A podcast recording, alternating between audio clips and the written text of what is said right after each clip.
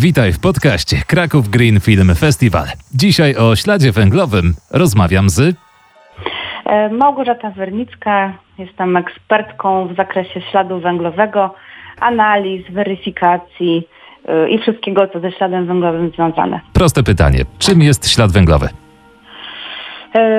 Żeby prosto na to odpowiedzieć, to tak naprawdę mm, to jest taka waga wszystkiego, co mamy dla środowiska. To jest y, całkowita ilość wszystkich gazów cieplarnianych dotyczących każdej rzeczy, każdego produktu, usługi czy działania jakiejś firmy, która, e, która funkcjonuje na świecie. Ślad węglowy to jest jakby taki ciężar dla środowiska każdej rzeczy.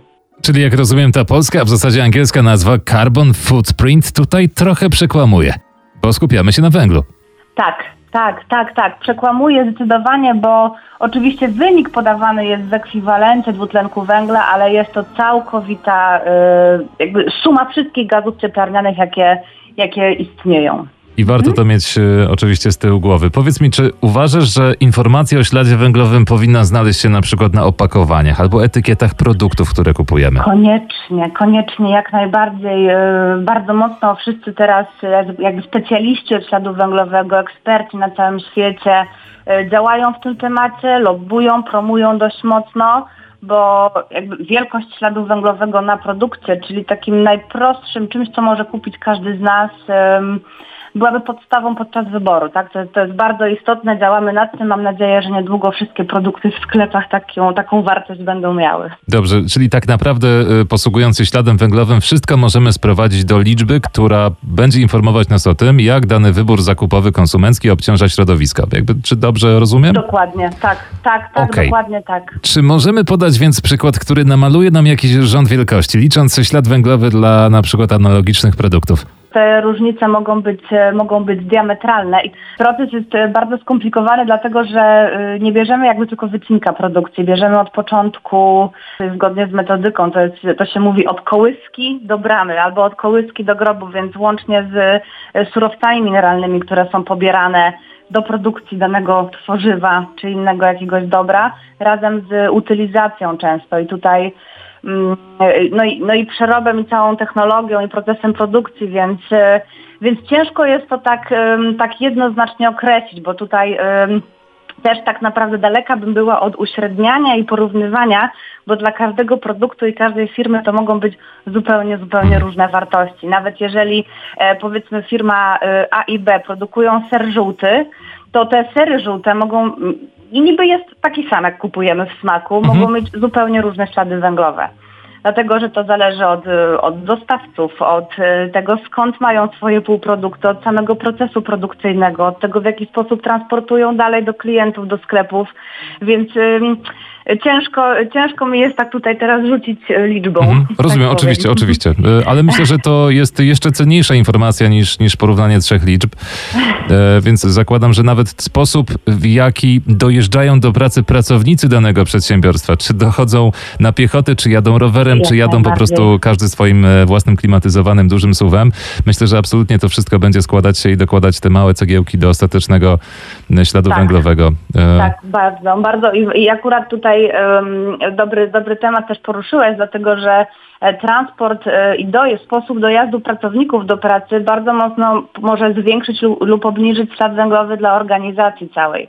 Mm, Więc tutaj jakby wspieranie czy, czy promowanie też bardziej, no powiedzmy, ekologicznych e, rozwiązań. Nie mówię, żeby wszyscy jeździli rowerem do pracy, no bo często jest to niemożliwe, ale właśnie środkami komunikacji miejskiej, czy chociaż więcej osób w jednym samochodzie, Mhm. świetny sposób na redukcję. Okej, y, m- mam takie właśnie trudne pytanie, gdy już poruszamy się trochę po, po y, obszarze trudnych pytań. Y, Ostatnio się zastanawiałem, w czasie y, gorącej, burzliwej rodzinnej dyskusji i zastanawiam się do dzisiaj, kto miał rację. Chodzi o szacunkowy ślad węglowy, obciążenie dla środowiska. Dla sytuacji zakupu samochodu. Co będzie lepszym dla środowiska wyborem? Uratowanie od kasacji 15-letniego diesla czy zakup, a więc wyprodukowanie najbardziej ekoelektrycznego samochodu i w każdej symulacji jeździmy samochodem przez 5 lat.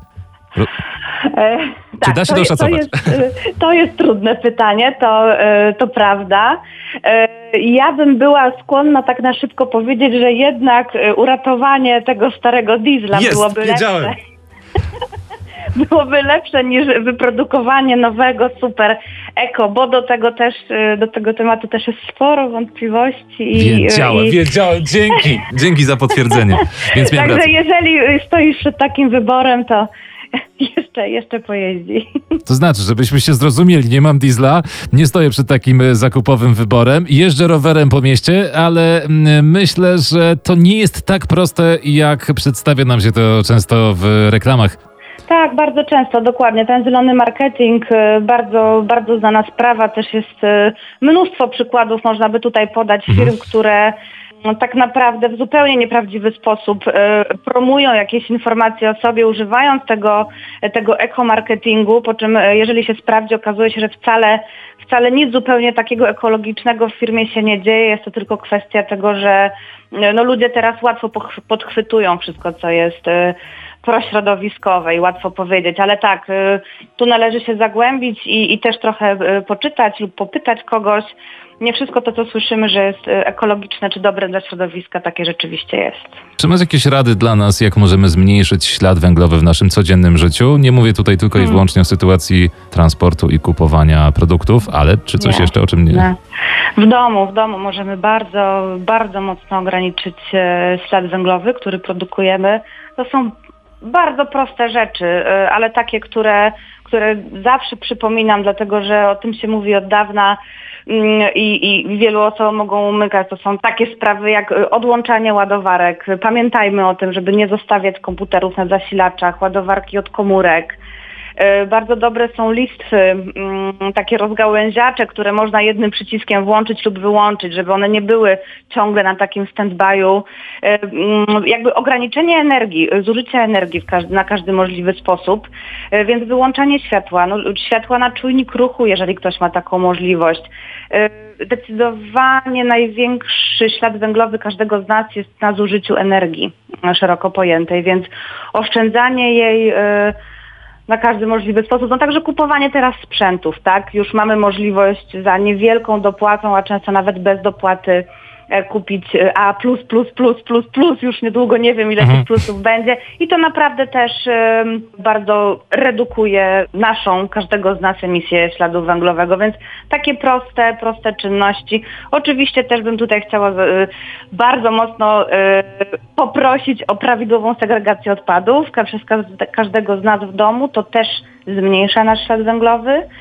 Zużycie wody oczywiście, ale to już wchodzimy w ślad wodny. Także takie proste, e, proste działania codzienne, żeby wchodziły nam w nawyk. Da się jakoś pomóc w podejmowaniu tych y, decyzji środowiskowych, znaczy wpływających na środowisko. Mam tutaj e, na myśli sytuację, czy bardziej opłaca się, wiem, że wchodzę w straszne detale, ale chyba trochę mhm. o to mhm. chodzi. Czy bardziej opłaca się kupić listwę za 60 zł, co też pewnie jej wyprodukowanie wiąże się z obciążeniem środowiska, mhm. która przez, no nie wiem, e, całe swoje życie funkcjonowania, dajmy na to 15 lat, przyczyni się do zaoszczędzenia jakiej ilości prądu. To znaczy, czy istnieją jakieś kalkulatory, które pomogą w tych wszystkich trudnych wyborach? E, kalkulatory y, istnieją, to znaczy są y, różne i tutaj też należy, należy na to zwrócić uwagę, więc tak, takie mm, darmowe kalkulatory, które gdzieś tam w internecie możemy znaleźć, to też są dla nas, y, dla, dla nas jakby pomocne, pomocne narzędzia. One oczywiście nie są bardzo dokładne, ale możemy też tam tego typu informacje uwzględnić, wrzucić i obliczyć sobie. Są też kalkulatory e, profesjonalne, to znaczy takie przygotowane przez już e, ekspertów zajmujących się śladem węglowym, dostosowane do konkretnego klienta. Tak naprawdę takie proste wybory za, za niewielką opłatą jesteśmy w stanie, jesteśmy w stanie sobie przekalkulować. Także istnieją, wystarczy e, otworzyć się i poszukać. W internecie już jest wszystko. Okej. Okay. A jeśli chodzi o twój Green Carbon Calculator, czy to jest startup, czy to jest twój produkt skierowany do firm? Bo znalazłem tak. informację, że zajmujesz się e, czymś takim. To jest dobry research. Tak, e, tak. Zajmuję się czymś takim, to jest e, startup, tak to można, tak to można ująć. Po wielu latach pracy na etacie postanowiłam zająć się śladem węglowym na dobre już, już na własną rękę. Razem z koleżanką, która też jest e, ekspertką w zakresie śladu węglowego.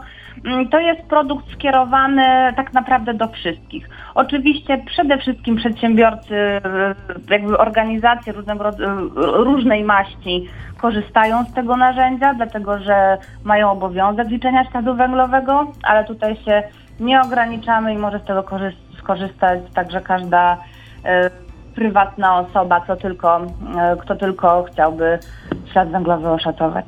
Czyli ci, co muszą i ci, co by chcieli, mogą jak najbardziej z tego kalkulatora skorzystać. Rewelacja. Green Carbon Kalkulator. Małgorzata Wernicka była z nami dzisiaj. Tak jest, dziękuję bardzo i do usłyszenia.